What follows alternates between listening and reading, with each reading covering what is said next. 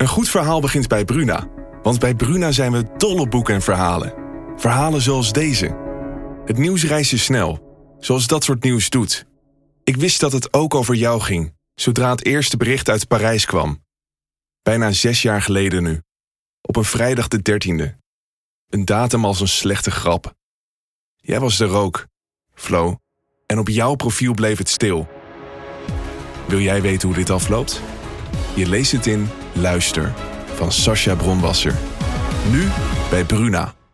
Een goed verhaal begint bij Bruna. Want bij Bruna zijn we dol op boeken en verhalen. Verhalen zoals deze. De mist kwam uit de baai opzetten en besloop langzaam het Victoriaanse huis op Blake Street. Drong door de houten kieren naar binnen en bleef in dunne sliert in mijn kamer hangen. Ik lag te rillen onder het dunne dekbed. Wil jij weten hoe dit afloopt? Je leest het in In de mist van Golden Gate Park van Murat Isik. Nu bij Bruna. Kortie Media. Het digitale front is mede mogelijk gemaakt door de cyberhersteldienst van Bisway. Hey, ik ben Harm Teunus en naast mij zit Dave Maasland. In deze podcast bespreken we iedere week twee cyberverhalen waarvan je nog niet wist dat je ze wel wilde horen. Want de wereld van cyberaanvallen en digitale dreiging is voor veel mensen onzichtbaar. En dat is best gek, want de gevolgen ervan zijn iedere dag voelbaar. Ook in jouw leven. En wij maken die wereld hier zichtbaar. Welkom terug aan het digitale front. Ja, Dave, zoals altijd hebben wij allebei een actueel cyberverhaal meegenomen. In deze aflevering wil ik het hebben over WhatsApp-berichten waarin iemand je een baan aanbiedt. Ehm, en ik kan me voorstellen dat jij dat soort berichten misschien ook wel eens krijgt, recentelijk. Ja. Dat roept natuurlijk de vraag op wie zit erachter en daar gaan we antwoord op krijgen. Ja, en ik ga het hebben over Chinese aanvallers, criminele hackers die jarenlang onopgemerkt hebben gezeten in het systeem van een van de grootste chipfabrikanten in Nederland, oftewel het digitale front, verplaatst zich ook naar Nederland. Ja, wat deden ze daar? Uh, hoe kan het dat ze daar zo lang hebben gezeten? Maar vooral ook, wat zijn eventueel de gevolgen? En natuurlijk, Harm, niet vergeten, hebben we een verhaal vanaf het front van onze sponsor Bart. En daar gaan we mee bellen van Bisway BV. En we eindigen natuurlijk weer. En ik heb jouw tip al gehoord. Ja, die, die kan je niet missen. Nee, nee, die kan je, nee, kan je niet missen. Ja, voordat we beginnen, Harm, moeten we onszelf toch um, heel even in de, de, digitale spotlight zetten. Waarom deze podcast er nu is. Mm -hmm. Ik las twee dagen geleden dat de barometer van de NCTV uit is. De NCTV is de Nationaal Coördinator Terrorismebestrijding en Veiligheid. De partij die ja, uh, overziet, ja inderdaad, uh, die overziet in Nederland ja, wat de terroristische dreiging is. Wat ja, zaken die invloed hebben op onze nationale veiligheid. En die meten ook onder het Nederlands publiek ja, waar die zorgen zitten. Ja. Deze uitkomst had ik niet verwacht van de barometer. Blijf even bij me. Ja. Cyber staat qua waarschijnlijkheid, dus Nederlanders geven aan. 74% van de Nederlanders geven aan dat cyber volgens hen de grootste waarschijnlijke gebeurtenis is die invloed gaat hebben op onze nationale veiligheid. Een dreiging voor de, voor de nationale veiligheid. Een dreiging ja. voor de nationale veiligheid. En als je dan aan ze vraagt, maar waar maak je je nou het meest zorgen om? Als het dan ook daadwerkelijk gebeurt, dan zegt nummer 1, ja, we maken ons de meeste zorgen op spanningen tussen bevolkingsgroepen. Ja. Daar kunnen we ons iets bij voorstellen in deze samenleving. Maar ze geven dus aan, met 46% van alle Nederlanders maakt zich dus zorgen om cyber en de impacten van op onze nationale veiligheid. En dat maakte dus het, ja, het grootste thema wat speelt Ja. op beide assen bij Nederlanders. Is dat iets wat jij had verwacht? Ook kijkend naar jouw omgeving en, Ja. en wat je doet? Ik moet eerlijk zeggen dat het me wel verbaast. Ehm, eh, kijk, jij slaat natuurlijk best wel vaak op de trom.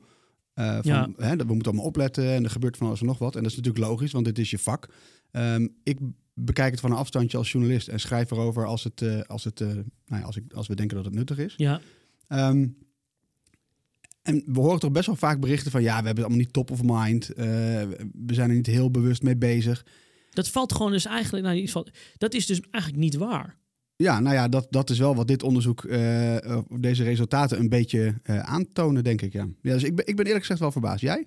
Ja, ik ben ook wel verbaasd met name dat het op beide assen zo hoog scoort. Dus men ziet dus in dat het kan gebeuren. Maar men maakt zich er dus ook daadwerkelijk zorgen om. Ja. Wat we wel proberen te doen met deze podcast. En soms leggen we dingen een beetje kort door de bocht uit. Dat vind ik ook noodzakelijk om het lekker een beetje naar Harm en Dave af en toe te kunnen luisteren. Ja. Maar laten we vooropstellen, mensen, luisteraars in de auto, waar je nu ook bent. Cyberaanvallen zijn een enorme bedreiging voor onze samenleving. Maar het is niet zo gemakkelijk als we soms denken. Nee. Daar gaat planning, daar gaat voorbereiding. Dus ga nou niet allemaal in paniek onder de dekens liggen bij de bank en denken we gaan er allemaal aan. Uh, Maar blijf wel, uh, wel luisteren. En ik vind het Ja. wel een belangrijk haakje natuurlijk naar het feit, ja, wat merken we daar nou in Nederland van? We hebben Ja. een aantal keer nu al gesproken over wat gebeurt er in Europa. Maar die, die aanval bij NXP. Eh, dat is een verhaal van het NRC. Dat Chinese hackers zouden twee jaar lang hebben binnengezeten bij de Nederlandse chipfabrikant NX- NXP. Ja. Nou, daar zijn zoveel interessante dingen over, eh, over te vertellen. Met name natuurlijk dat het bedrijf het blijkbaar, eh, blijkbaar niet wist. En nogmaals, het is ook een verhaal wat al eerder naar buiten kwam in 2019 of 2021, sorry. Ja. Vanuit Fox IT, maar toen wisten we niet om wie het, wie het zou gaan. En nu weten we dus om wie het gaat, NXP. De chips die ze maken, die, zitten in, eh, die zijn best belangrijk. Ze zijn een belangrijke speler voor chips voor de eh, autowereld. Autofabrikanten kopen chips van NXP. Eh, Apple Pay ehm, eh, maakt gebruik van, dus Apple, je iPhone, maakt gebruik van chips van NXP. ehm, die dus hè, mede ervoor zorgen dat jij dus contactloos kunt betalen bij de pinapparaten. Dus het is een bedrijf met best wel grote klanten. Wat is daar dan precies gebeurd? Misschien goed om dat even samen te vatten nog. Ja, zeker. Ehm, die hackers van NXP hebben dus ingebroken bij NXP en zijn daar twee jaar lang verbleven. Mhm. En de vraag is natuurlijk, ja, wat moesten ze daar die twee jaar, eh, twee jaar lang doen? Daar gaan we het zo over hebben. Maar even terug naar die eerste stap. En dat zou ik leuk vinden om mensen mee te nemen Ja. naar het digitale front. En hoe gaat zo'n aanval nou in verschillende stappen in zijn werk? Ja. Ik zag namelijk ook verschillende nieuwsartikelen, Harm. En je kent mijn woede daaromheen. En misschien gaan we nog ruzie krijgen in deze podcast. Ik sluit het niet uit. Een van de, een van de kopteksten bij een nieuwsartikel was... NXP-hack, men breekt in via, ehm, via de accounts van medewerkers. Ja. Dus er werd eigenlijk meteen weer geïmpliceerd... medewerkers zijn het grootste probleem. Nou, daar kom ik zo op. Wat deze aanvallers inderdaad hebben gedaan... is die hebben uit eerdere datalekken... Mhm. dus als bijvoorbeeld LinkedIn is ooit in 2016 gehackt... Ja. Daardoor zijn alle wachtwoorden op straat komen te liggen. Nou, zo zijn nog meer bedrijven gehackt die wachtwoorden opslaan. En die hackers hebben die wachtwoorden verzameld om vervolgens die wachtwoorden te proberen op de accounts van dit bedrijf. Werken die ergens nog? Ja. Als we er een eentje achter plaatsen of als we heel vaak gaan. Maar eh, betekent het dan, als ik dus, hè, stel dus je hebt zo'n dataset van zo'n bedrijf wat gehackt is, laten we LinkedIn even pakken als voorbeeld, dan zien zij dus dat het mailadres waarmee iemand heeft ingelogd op LinkedIn dan ook een, een NXP e-mailadres is, of niet? Ja, en zelfs als je wat slimmer bent natuurlijk, je kan de e-mailadresstructuur van NXP, die weten we waarschijnlijk gewoon. Als we Mm. op een eh, normale website kijken, zie je waarschijnlijk dat het voorpunt achternaam is. Ja. Ja, dan kan je ook die wachtwoorden die je al hebt, gewoon proberen tegen alle accounts. Maar uit in dit geval zullen we waarschijnlijk gericht gekeken hebben, waar kunnen we alvast inloggen. Maar er zijn heel Ja. veel manieren om dit geautomatiseerd te doen. Hebben we een chic woord voor, het noem je ook wel het brute forcen. Dus met brute kracht proberen te raden of die wachtwoorden kloppen. Maar wa- wa- wacht even, hoor, want dat brute force, eh, hoe, hoe werkt dat dan? Ja, eigenlijk op een geautomatiseerde manier, dat moet je echt zien in de meest basale vorm als het raden van wachtwoorden. Mhm. Eh, A, A, A, A, A, A, B. Nou, maar wat ze natuurlijk doen is vooral wachtwoordenlijsten pakken van de meest gebruikte wachtwoorden. Ja. En die gaan ze gewoon proberen. Ja. Want we zien nog steeds in organisaties dat mensen die wachtwoorden... Feyenoord is in Nederland een van de meest gebruikte wachtwoorden. Zou ik Goed nooit wachtwoord, gebruiken. Harm Teunis, maar nee, goed. nee, dat mag ik nooit zeggen. Ehm, dus, dus nee, dat, dat is hoe ze, dat, hoe ze dat daar doen. Nou, zo zijn ze dus in eerste instantie binnengekomen. Maar wat ze natuurlijk vervolgens doen, is dan heb je toegang tot één account. Ja. Dan wil je eigenlijk vanuit daar dieper dat netwerk in. Mhm. En dan ga je, ja, dat, dan willen ze inloggen via een VPN, een Virtual Private Network. Dat noem je, dat is eigenlijk een soort beveiligde tunnel die veel bedrijven gebruiken om Ja. vanuit huis veilig verbinding te kunnen maken met de organisatie. Nou, dat is ze gelukt. En hoe, dat is interessant. Ehm, daar zat natuurlijk normaal die multifactor op, die twee-staps authenticatie. Ja. Dat je in twee stappen in moet, eh, in moet loggen. Ja, dus je krijgt een, een, een berichtje, eh, bijvoorbeeld als het gekoppeld is aan je telefoon, krijg je op je telefoon een berichtje met, met zes cijfers, die vul je nog in nadat je je wachtwoord ingevoerd, bijvoorbeeld. Exact. Ja. En wat hebben deze aanvallers nou gedaan? Er was een portaal aanwezig waar je dus eh, je nummer kon wijzigen als je van nummer veranderde, omdat die code kwam via sms binnen. Ah. Dus die aanvallers hebben die code, laat, hun telefoonnummer aangepast, zodat de aanvallers die sms'jes kregen. Ah, ja, ja. En wat een heel interessant detail is, die zag ik nog even. Waarschijnlijk gebruikten de aanvallers hun webbrowser waarmee ze het internet op gingen. Die eh, stond ingesteld op de Chinese taal. Mhm. En dat herkende dat portaal, dat was een slim portaal. Dus men kreeg die sms'jes ook in het Chinees binnen. Ehm, en in, in bepaalde gevallen hebben ze Ja? het oorspronkelijke nummer laten staan. Ja. En kregen de mensen die dus van hun account werden, eh, het nummer werd gewijzigd, een Chinees sms'je Oh, binnen. joh. Is alvast een eerste broodkruimel trouwens, waardoor we waarschijnlijk weten dat, China hier, eh, hier achter zit. Ja. Dan heb je dus toegang dieper tot het netwerk. En wat je dan gaat doen, is lateraal bewegen. Je wil door dat netwerk heen naar andere computers. Je wil uitbreiden. En dat is wat je bedoelt met lateraal. Dus van het ene ene netwerk. naar het andere. En wat kun je dan vinden op die andere netwerken? Nou, waar ze uiteindelijk naar op zoek waren, eh, steeds in die paden zie je dat ze op zoek waren naar bepaalde e-mails, bepaalde blauwdrukken van chips, eh, hoe die opgebouwd zijn. En wat je in die fase van verkennen doet, is dan ga je een soort digitaal Zwitsers zakmes installeren. Mhm. Cobalt Strike ook wel genoemd. Dat gebruik je eigenlijk aan de goede kant om juist ja, een soort simulatie te doen als je een aanvaller bent. Ja, waar kan ik allemaal bij? Ja. Maar ja, dit gebruiken dus ook de criminelen daadwerkelijk om toegang te krijgen en te houden tot een bepaald systeem. Ja. Want je kan dus dan via Cobalt Strike die verbinding maken en behouden. En je moet het zo zien, dat is ook een soort digitaal cameraatje die ze dan overal achterlaten waarmee ze verbinding kunnen maken. Je kan je voorstellen, dat plaatsen ze natuurlijk niet op één plek. Want als iemand dat vindt en verwijdert, dan zou je zo'n aanval kunnen stoppen. Maar je moet dat natuurlijk op allerlei plekken vinden. Als ik bij jou zou willen inbreken, Harmon, ik wil, Ja. jou, wil je in de gaten houden, spioneren. Snap ik. Ja, dan ga ik ja, waarschijnlijk niet zo heel spannend. Maar goed, stel, ik zou echt niet anders, eh, niet anders aan kunnen met mijn leven. Dan ga ik niet alleen in de bloempot een microfoontje plaatsen, Nee. maar ook bij de voordeur, ook in de douche. En dat is natuurlijk de paranoia die je hebt als bedrijf als je gehackt bent op deze schaal. Ja. Wanneer weet je nou zeker dat je alle sporen gewist hebt en dat geen enkele aanvaller meer toegang heeft tot jouw netwerk? Mhm. Dan zal je onder elke hoek of steen en dan nog weet je het niet zeker. En dat is de reden waarom vandaag de dag grote bedrijven met de mindset naar het werk gaan. We zijn gehackt. We moeten alleen nog weten waar ze dan zitten. Ja. Dat is voor sommige bedrijven. Nou, wat ze dan doen, als ze eenmaal in heel je bedrijf zitten, gaan ze langzaam aan die gegevens naar buiten halen. Dat zou je zeggen, ja, dat valt toch op als ik jouw bloempot en je bankstel mee naar buiten neem. Ja, precies. Dan moet Dat- iemand... ja. De- maar ja, goed, er gaan natuurlijk ook vaak dingen naar binnen en naar buiten via normale diensten. In jouw bedrijf of in jouw organisatieharm verstuur je hele dagen bestanden naar OneDrive of naar Teams of Naar naar, cloud, Microsoft, eh, naar cloud, clouddiensten. ja, ja. En dat is exact wat deze aanvallers hebben gedaan. Dus die data heel langzaam, één voor één, via die clouddiensten, wat niet opvalt, gewoon alsof ze normale medewerkers zijn, hebben dus twee jaar lang dit soort dingen gedaan. Ze hebben ook hun sporen gewist. Hm. Ze hebben namelijk bepaalde logbestanden weggehaald. Dat zijn van die datasets die opstaan wanneer iemand inlogt, wanneer iemand uitlogt. Ja, dus bijhouden wat er gebeurt op Exact. computers. Ja. Dus oftewel alle digitale voetsporen die ze in de sneeuw achterlieten, hebben ze even weggeveegd, zodat het heel moeilijk werd. Ja. En dan zie je dus, en de kers op de taart, daar hebben we heel veel vragen beantwoord, ze zijn er niet eens zelf achter gekomen. Nee, want ze hebben daar dus van eind 2017 tot begin 2020 gezeten. Nou, je hebt net een beetje uitgelicht hoe, hoe ze hun eh, voetsporen hebben gewist. Maar hoe zijn ze dan toch eh, gepakt? Ja, het is uiteindelijk toch wel, hoe, wel pijnlijk. Kijk, je ziet gewoon dat dit soort aanvallers er alles aan doen. En daar staat China trouwens ook om bekend. Ehm, een interessant, eh, interessante quote die ik laatst hoorde van een CIA-directeur. Die is me altijd bijgebleven. De Die- CIA-directeur? Ja, Oh, sorry, de- de... De, directeur van de CIA die zat in een podcast over cyber. Ja. En die zei het volgende. Die zei, wij in Amerika beschouwen Rusland als een tornado. Mhm. Maar China als klimaatverandering.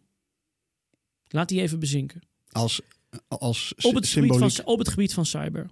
Dus wat Rusland kan, ja, snel hard schade aanrichten. Mhm. Maar de systemische omvang van wat China kan doen, met hoeveel mensen zij zijn, Mhm. hoeveel kracht zij hebben om dit te spioneren. We hebben het er wel eens eerder over gehad. Volgens mij de, de schattingen zijn dat zij meer dan 100.000 mensen hebben werken in inlichtingen, operaties zoals deze. Ja, die is, eh, die is enorm. Dus zij doen er alles aan om niet opgemerkt te blijven. Ja. Nou, wat bleek nou? Ehm, uiteindelijk kreeg Foxite, die werd ingeschakeld door Transavia. Daar zat dezezelfde groep binnen. Mhm. En daar kwamen ze achter, waarschijnlijk door zo'n eh, zo'n digitaal cameraatje te vinden die geïnstalleerd werd. Alleen zij zagen dus, toen Foxite hier binnen zat, op een gegeven moment een verbinding van Transavia naar NXP toe. En toen, en toen heeft Transavia NXP gebeld van... hé, hey, wacht even, wij hebben te maken met een hack...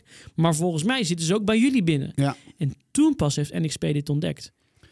En, en dat is het moment dat er geschakeld wordt en NXP dus na meer dan twee jaar eh, eh, nou ja, de, de boel weet te verhelpen.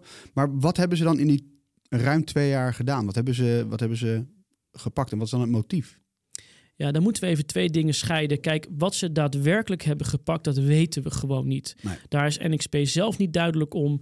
Eh, dat blijkt ook niet uit de, eh, posts die Fox IT online heeft gezet. Kijk, we kunnen natuurlijk wel vanuit het verleden en de motieven en de geopolitieke situatie een inschatting maken op het feit wat verwerkt zo'n bedrijf nou. Ja. Kijk, NXP maakt chips. Ja. Die heeft daar blauwdrukken van hoe ze die chips maken. Ze hebben werkprocessen, methodes, e-mails, eh, intellectueel eigendom, eh, patenten, eh, e-mails onderling. Dus je kan ervan uitgaan dat ja, in dit geval dus deze, deze aanvallers heel lang hebben gekeken. Die blauwdruk willen we hebben, dat e-mailtje. Het is dus bekend geworden dat ze om de zoveel maanden weer even inlogden. Dus ook niet continu. Nee, precies. Ze, ze nu dan even checken even van, ah, kijken, hebben we nog wat leuk is er iets nieuws? Zit Ja. er nog iets bij? Ja. En dat maakt ook dit probleem, wat we nu weten, waarschijnlijk het topje van de is. Ja. Want als je natuurlijk in al die bedrijven binnen zit en af en toe even gaat kijken, is de vraag, waar zitten ze allemaal nog meer binnen? Ja. En dat is ook wel het probleem, Harm. Van ja, ik hoor je ook wel denken, ja, NXP zo laat. Maar je ziet ook dat spionage een ongrijpbaar risico is voor bedrijven. Want uiteindelijk doet het je op de korte termijn geen pijn. Nou, dat is het grappige. Want in, in de, eh, bij de publicatie van de jaarshuis van NXP, dat, dat eh, omschrijft Mark Heijink in zijn NRC-artikel ook heel goed, wordt wel melding gedaan van eh, er, er is een incident Ja. Maar ze hebben het constant over dat er geen materiële schade is. Ehm, is dat omdat het moeilijk is om er meteen een bedrag aan te hangen, bij wijze van? Omdat het dus gaat om dat intellectueel eigendom, die, die blauwdrukken voor die chips, ja, dat je die even kwijt bent, dat is misschien niet per se vandaag schadelijk. Maar op de lange termijn natuurlijk wel. Ja, en daarom vind ik het moeilijk. Ik werk niet bij een beursgenoteerd bedrijf, dus ik kan me de complexiteit niet voorstellen. Alleen mijn cyberhart zegt altijd: wees zoveel mogelijk transparant en eerlijk over wat er wel en niet gebeurd kan zijn. Ik zag een goede tweet van Ricky Gevers, een bekende ethisch hacker, denk ik, in onze industrie, die volgens mij ook terecht zei: er zijn denk ik meerdere risico's. Als jij die blauwdrukken in handen krijgt van hoe chips gemaakt worden, dan zou je daar ook potentieel op kunnen kijken waar de zwakheden zitten. Waar zitten de gaten in die chips? En die Ah, chips zitten natuurlijk overal in. Dus levert dit ook niet gewoon een veiligheidsrisico op? Ja. Ik weet het niet precies, ik ben ook geen chip-expert hoe die dingen ontworpen worden. Maar dit zou iets kunnen zijn waar NXP misschien meer informatie over zou kunnen geven. Over dit scenario. Natuurlijk aan de andere kant de economische schade. Hoe weet je inderdaad niet dat op midden- en lange termijn ja, eh, China nu wel chips kan maken die waar wij nu heel concurrerend en goed in zijn. Dus geen materiële schade en door. Dat vind ik lastig om, eh, lastig om te zeggen. Ja. Ehm, tegelijkertijd, dit is natuurlijk niet de eerste eh, hack bij een bedrijf wat iets doet met chips. ASML is ook wel een slachtoffer geweest van, van diefstal. Ehm, tegelijkertijd zijn het bedrijven waar wij in Nederland als kenniseconomie natuurlijk eh, op de lange termijn best wel op leunen. Het is, het is natuurlijk in die zin doet het ook gevaar aan het voortbestaan van onze kenniseconomie, toch? Ja, ik denk dat je daar echt een terecht punt aan snijdt. Ik, ik, ik ben er nu zo zo over aan het nadenken. En je zou zelfs kunnen zeggen dat dit echt een aanval is op onze welvarendheid. En ik snap dat het allemaal een beetje hoogdravend en dit is natuurlijk een verhaal op de lange termijn qua economie wat wat lastiger te grijpen is. Maar inderdaad, ASML, eh, NXP zijn parels van onze economie en het houdt ons land ook relevant in de wereldpolitiek. Dus het feit dat we onder, in ieder geval ook onder een vergrootglas liggen, dat is met deze aanval wel duidelijk. Goed, dan is het tijd voor onze rubriek Bellen met Bart van Bisway BV. Onze sponsor Bart Lagenweg helpt bedrijven uit de problemen die last hebben van digitale aanvallen. Dat doet hij door middel van een cyberhersteldienst en vertelt ons iedere week kort iets over wat hij op de werkvloer heeft meegemaakt. Een verhaal dus vanaf het digitale front. Dus we zijn natuurlijk weer benieuwd, eh, Bart, wat is er deze keer gebeurd? Ja, een bedrijf eh, is eh, door gemakzucht al een data kwijtgeraakt heeft. Oké, wacht even. Alle data kwijtgeraakt door gemak, gemakzucht. Die, die moet je even uitleggen. Wat is daar gebeurd? ja, nou voordat ik dat ga doen, wil jij even uitleggen aan de luisteraars wat multifactor is, eh, Dave? Nou, ik weet niet of we die al gehad hebben, maar inderdaad, goed, eh, goed punt. Dus dat is niet, dat je niet alleen inlogt door middel van een wachtwoord, maar je logt ook in met een tweede code, een tweede stap. Dus iets wat je weet uit je hoofd, niet wat je hebt, namelijk je telefoon om die code te genereren of soms een, een sleutel. Kortom, een extreem veilige manier van inloggen. Ja, nou mooi, dankjewel. Dan kan ik het nu gewoon veilig over multifactor hebben. Ja hoor, dat mag. dat is wel prettig. Nou, ehm, in dit geval was het een drukkerij. En er was geen multifactor ingesteld op zo'n mooie netwerkschijf. En dat is een schijf, die kan je een beetje vergelijken met je iCloud of je Dropbox. Alleen dat staat dan uh, of in een Metacast of in een Patchcast of, of uh, onder iemand zijn bureau. Het komt echt heel veel voor. Bedrijven met heel veel data, advocatenkantoren, overheidsinstellingen, drukkerijen hebben dit soort schijven nog steeds. En uh, Ja, bij deze drukkerij uh, zat dus niet die multifactor ingesteld. Nee, we weten dat dat is in deze tijd geen goed idee. Nee, nee zeker niet. Deze drukkerij had, ook, had gewoon niet verwacht dat ze doelwit zouden zijn voor digitale criminelen. Uh, want ja, ze dachten, ja, we zijn toch zo'n klein bedrijfje en vonden het werken met zo'n multifactor uh, waar je telefoon in de buurt moet houden, maar vooral onhandig. Maar ja, vervolgens uh, vonden die criminelen een fout in de software van die netwerkschijf. en ze hebben alle bedrijven aangevallen in de wereld die zo'n schijf hadden staan. En er zat dus ook een Nederlandse drukkerij bij. Uh, en uh, ja, die crimineel kon dus gewoon doorlopen, want er zat niet zo'n dubbele inlogmethode op. Dus lang verhaal kort, dit klinkt als jackpot voor de criminelen. Ja, dat klopt. Uh, ja, versleuteld en een bericht achtergelaten. en er staat er in dat bericht, we hebben je data en maak even een, een x aantal bitcoins over naar dit adres. En dan komt het goed. Toen bleek wel betaald, maar geen bestanden terug, want die crimineel had gewoon alles gewist ja, ondertussen probeert die drukkerij natuurlijk via verzonden items, Outlook en al die andere dingen data terug te krijgen. Maar ja, dat krijg je natuurlijk nooit gewoon helemaal weer terug. Nou goed, ik hoor heel veel punten die misschien wel anders hadden gemoeten. Maar Bart, volgens jullie, volgens de cyberhersteldienst, wat zijn nou de belangrijke dingen die ze hadden moeten doen om dit te voorkomen? Ja, nou helemaal voorkomen ga ik natuurlijk nooit roepen, want ja, ze zijn altijd wel, uh, uh, maar wel veel beter. En veel beter is ten eerste, het bleek dat heel snel die netwerkschijffabrikant een oplossing had gevonden voor deze hack. Dus het automatisch aanzetten van updates is echt een key. En daarnaast, als tweede optie, eh, die we natuurlijk al een beetje verklapt hebben, zet alsjeblieft ook op je netwerkschijf multifactor aan. Dat maakt het een stuk minder aantrekkelijk doelwit. En je zal zien, dan gaan ze jouw deur misschien wel voorbij. En degene die het niet heeft ingesteld, uh, uh, een beetje lastig vallen. En dat is echt een stuk prettiger voor je. Kortom, multifactor inloggen met meerdere stappen. Bart, hij is hartstikke helder. Tot volgende week met een nieuw verhaal vanaf het digitale front.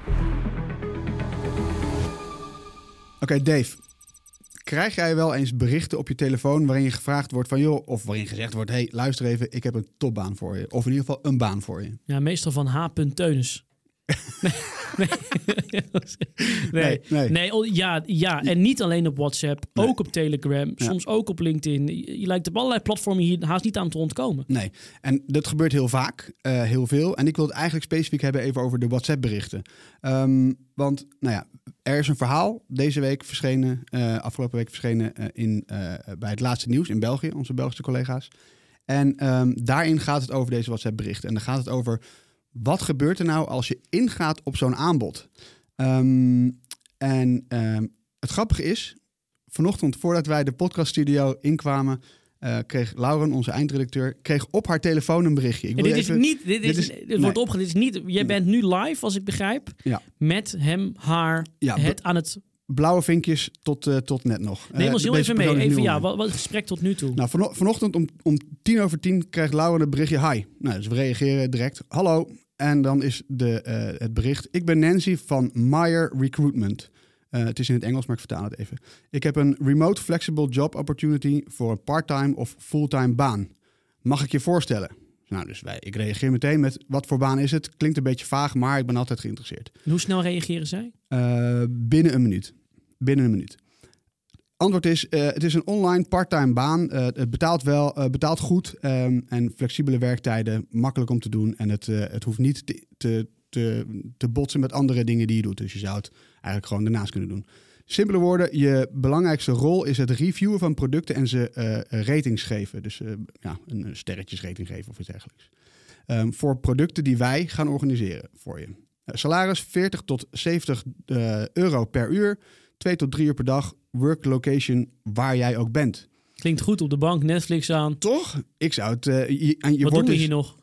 Precies. Nou, we maken nu even een podcast, maar, maar uh, je gaat je bijna afvragen, dit klinkt heel ja, aanlokkelijk. Ja. Um, wat, wat voor producten uh, hebben we het over, vraag ik aan ze. Nou, het gaat om producten zoals kleren voor mannen, vrouwen en kinderen, schoenen, accessoires, cosmetica, ehm, witgoed, meubels, speelgoed, boeken, eigenlijk alles in je huis. Een soort Amazon waar je alle producten gewoon op gaat reviewen. Dus ik vraag vervolgens van, joh, moet ik ze dan ook reviewen? Uh, moet ik ze ook gebruiken voordat ik ze kan reviewen? Nee, nee, dat hoeft niet. Uh, de, de, producten worden door ons uh, ja, provided. Dus de, de, de, dingen die je moet reten, die gaan zij aangeven. Door een business department team met een linkje. Je hoeft alleen maar te reten en te reviewen. Dus ik vraag vervolgens, omdat ik wil weten waar komt dit dan vandaan?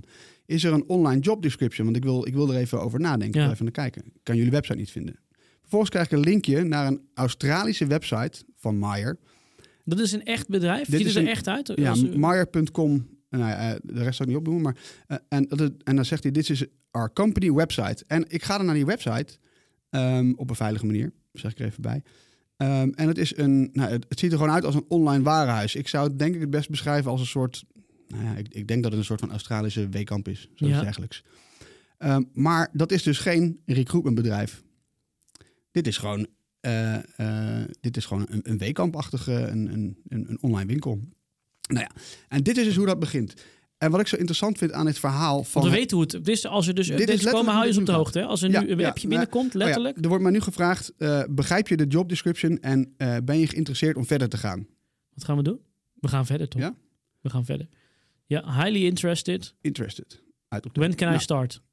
Gewoon Ja, when to can I the, start? to the point. When can, when, moet ik wel goed typen. When can I start? Anders valt het ook op dat ik... eh, Maar we weten dus ook, dankzij die journalist in België, hoe dit eindigt. Hoe Ja. gaat dit verder? nou, blauwe vinkers krijg ik nu. Ehm, nou, wat dus het grappige is... Die deze- wachten trouwens dus gewoon even op jouw antwoord. Hè? Als ze meteen Ja, en als het niet te lang, als het te lang duurt, want dat hadden we net, want we, we hebben net het eerste deel opgenomen, dan komen, komt er dan meteen een vraagteken, als in, le- le- schiet even op, ik wil graag door met, nou ja, met dit eh, recruiten, denk ik. Ehm, deze Belgische techjournalist Kenneth, Kenneth D, eh, he- heeft het toneelstukje meegespeeld en is ingegaan op dit aanbod. Ehm, hij kreeg dus een baan en moest uiteindelijk allerlei vage opdrachten doen, zoals voortdurend op submit klikken of eh, eh, als hij een bepaald logo van een bedrijf in beeld kreeg of een product. Ehm, er werd hem niet direct verteld wat die baan dan precies inhield. Hè. Even los van deze, deze opdrachten. En het is ook een beetje onduidelijk waarom hij nou echt betaald krijgt. Was het, ja, waarschijnlijk waren het ook neppe opdrachten of gewoon een, soort spelletje. Misschien wel zo. Ja, dat, nou ja, dat is de Daar indruk die ik een beetje krijg. Eh, Het, het ziet er heel erg uit als een spelletje. En, en waar die opdrachten voor dienen is ook totaal onduidelijk. Maar hoe zit die achterkant in elkaar dan? Hoe verdienen ze wel Ja. geld hiermee? Ehm, als je een tijdje dit werk doet, dat laat het eh, artikel van Kenneth heel goed zien, krijg je eerst geld gestort in een soort, eh, in dit geval naar een crypto wallet. Vanuit die crypto wallet kun je het uiteindelijk weer naar je eigen rekening laten storten. En dan komt de crux. Dat is een klein bedrag. Hij kreeg iets van 63 euro, geloof ik, gestort.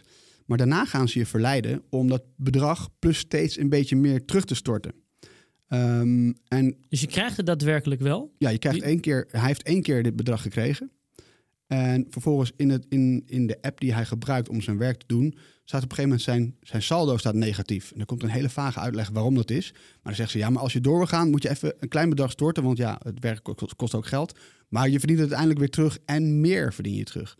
Dus dan, en hij wordt, eh, eh, hem wordt gevraagd om 63 euro plus wat meer over te maken. Ehm, en, eh, en, en dat gaat natuurlijk gewoon door. Dit, dat is waarschijnlijk de, het doel van de hele scam, is om jou steeds meer geld over te laten maken. Maar ja, je bent de hele tijd verleid. En, je hebt het gevoel dat je echt wat Ja. verdient. En het grappige is, ze gaan heel geraffineerd te werk. Want hij werd ook toegevoegd aan een WhatsApp-groep met andere collega's. Die, eh, waar hij dan gesprekken mee heeft. En die sturen foto's van een pizza. Oh, ik ben zo lekker pizza aan het eten tijdens het werk. Zoiets dergelijks. Dat soort dingen. Zodat je het gevoel krijgt dat je onderdeel bent van een team. Dus je bent en onderdeel van een team. En je voert werk uit wat er ogenschijnlijk nuttig uitziet. En je krijgt geld. En dat is dus eh, hoe geraffineerd het is. Want ja, uiteindelijk word je dus verleid om telkens geld over te maken. Ja, wat ik aan deze casus zo bijzonder vind.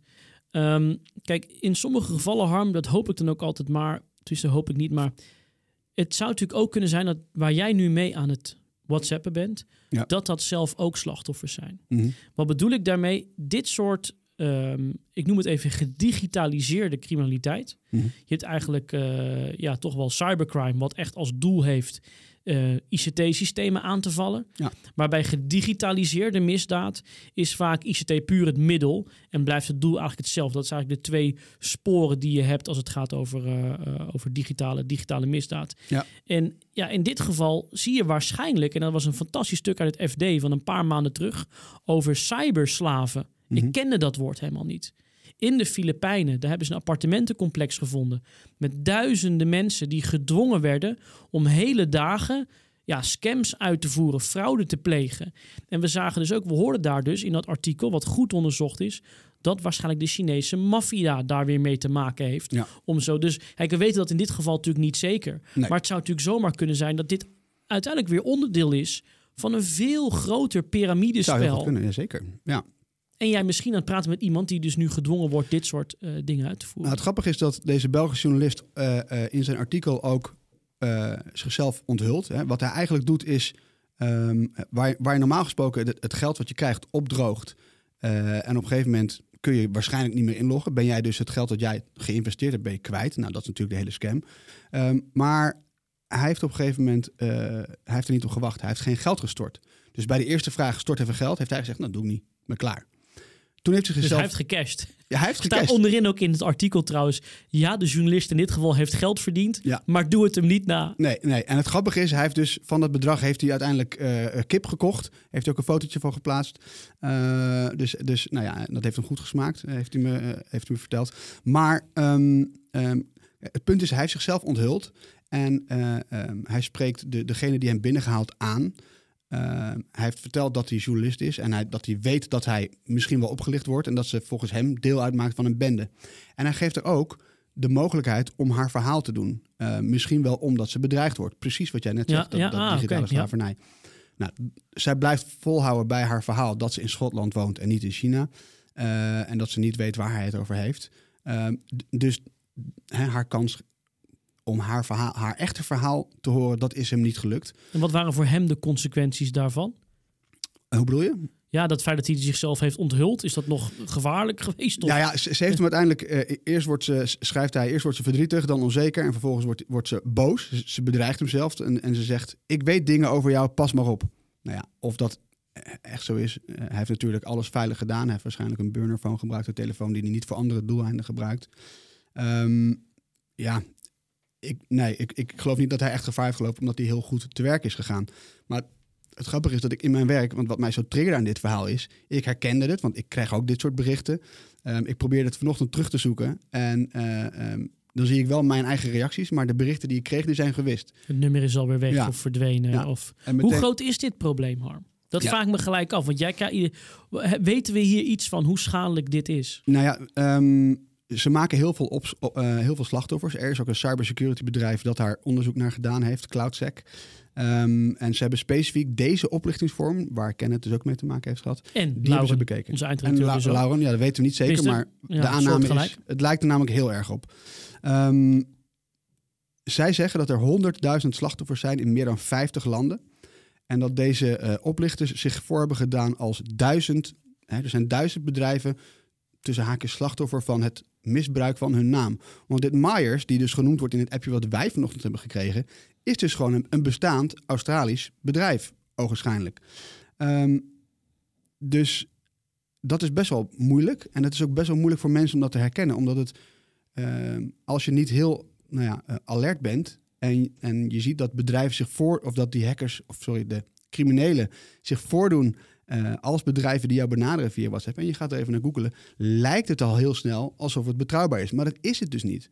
En tegelijkertijd, ik vroeg het vanochtend ook nog aan, mijn- aan, mijn, eh, aan mijn maatje Bram. Zo wel eens dit, dit soort berichten. Hij zei, ja, nou ja, nee, ik krijg ze niet. Maar wat voor bedrijven zouden mij benaderen via WhatsApp? Ik kan het me niet voorstellen. Nou ja, en, en dat is misschien ook wel de eh, de gezonde achterdocht die je moet hebben. Zou jij benaderd worden door een bedrijf uit het buitenland?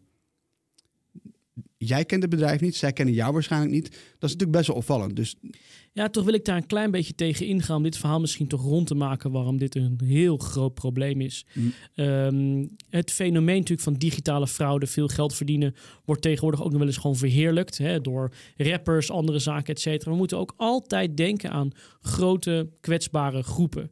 Kijk, en je kan wel zeggen, ja, dat is misschien niet zo. Wel, welk bedrijf benadert mij nou via WhatsApp?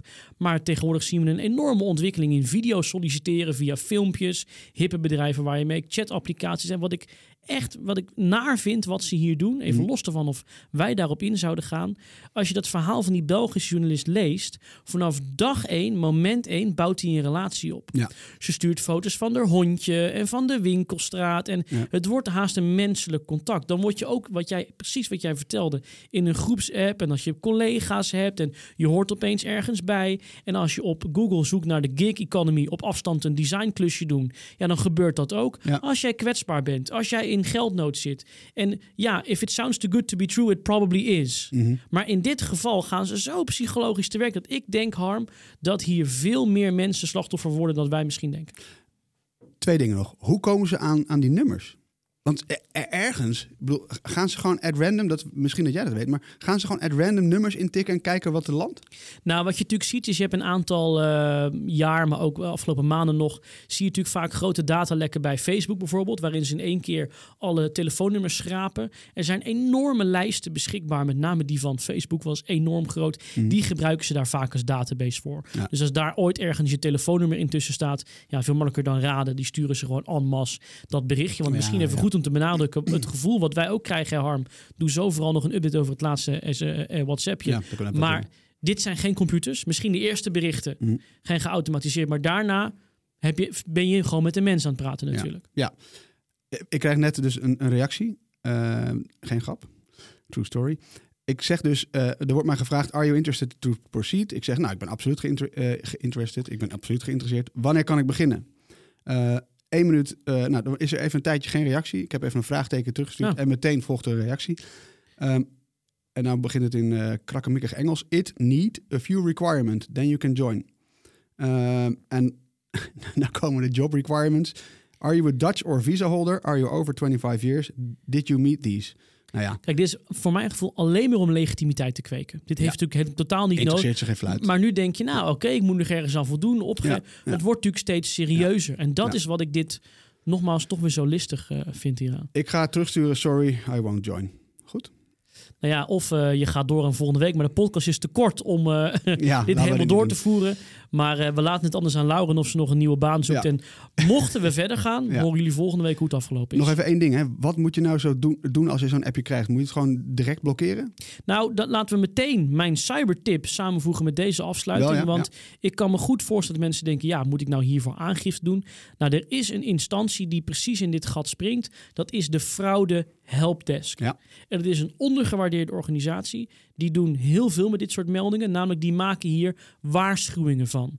En op hun website staat er een soort weerbericht. Actuele phishingberichten die in omloop zijn. Ja. Eh, dus dat is een hele goede plek. En zij hebben ook continu contact met de politie. Dus zij sturen ook die nummers daaraan door. Kortom, de fraude helpdesk. Blijf dat melden. Blijf daarbij. En dat is ook gelijk mijn cybertip van de week.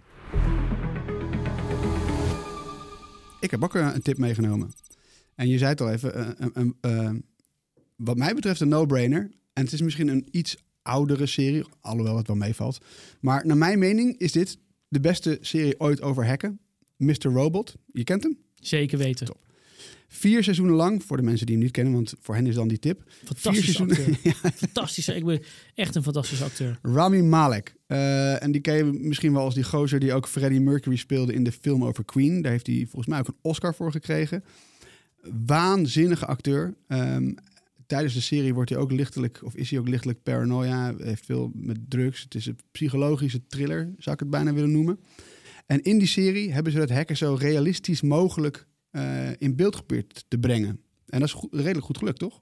Nou, als je nou elke week met ons meegaat naar dit digitale front, dan gaan we echt een leuk gesprek hebben, luisteraar. Want je gaat daar dingen zien. Ja, echt Harm. Je gaat zien hoe ze in een datacenter inbreken. Dan denk je, hé, hey, dat heb ik daar gehoord, hoe zij het doen. Dus als je dit echt leuk vindt, kijk die serie en je krijgt een hartstikke goed, beter beeld van hoe deze wereld in elkaar zit. En ook nog eens een hele spannende, goed geschreven serie. Ja. Dave, dit was alweer de derde aflevering. Ehm, ik heb er wel zin in volgende week. Maar voordat wij naar volgende week gaan en het weekend gaan, eh, gaan inluiden, ehm, hebben we nog een, een luisteraarsvraag. Kijk. Ja, eh, via Twitter kwam die binnen van Martin. Ah, ja.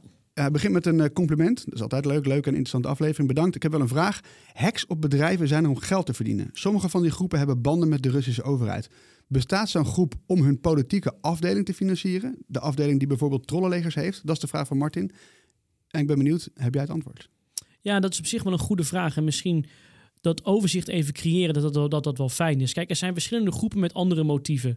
Als je kijkt naar Rusland, zijn er natuurlijk drie grote diensten binnen de Russische organisatie en de GRU. Eigenlijk de Militaire Inlichting en Veiligheidsdienst. Ja. De SVR en de FSB. De Binnenlandse Inlichting en Veiligheidsdienst en de Buitenlandse Inlichting en Veiligheidsdienst. En die hebben niet direct een financieel motief.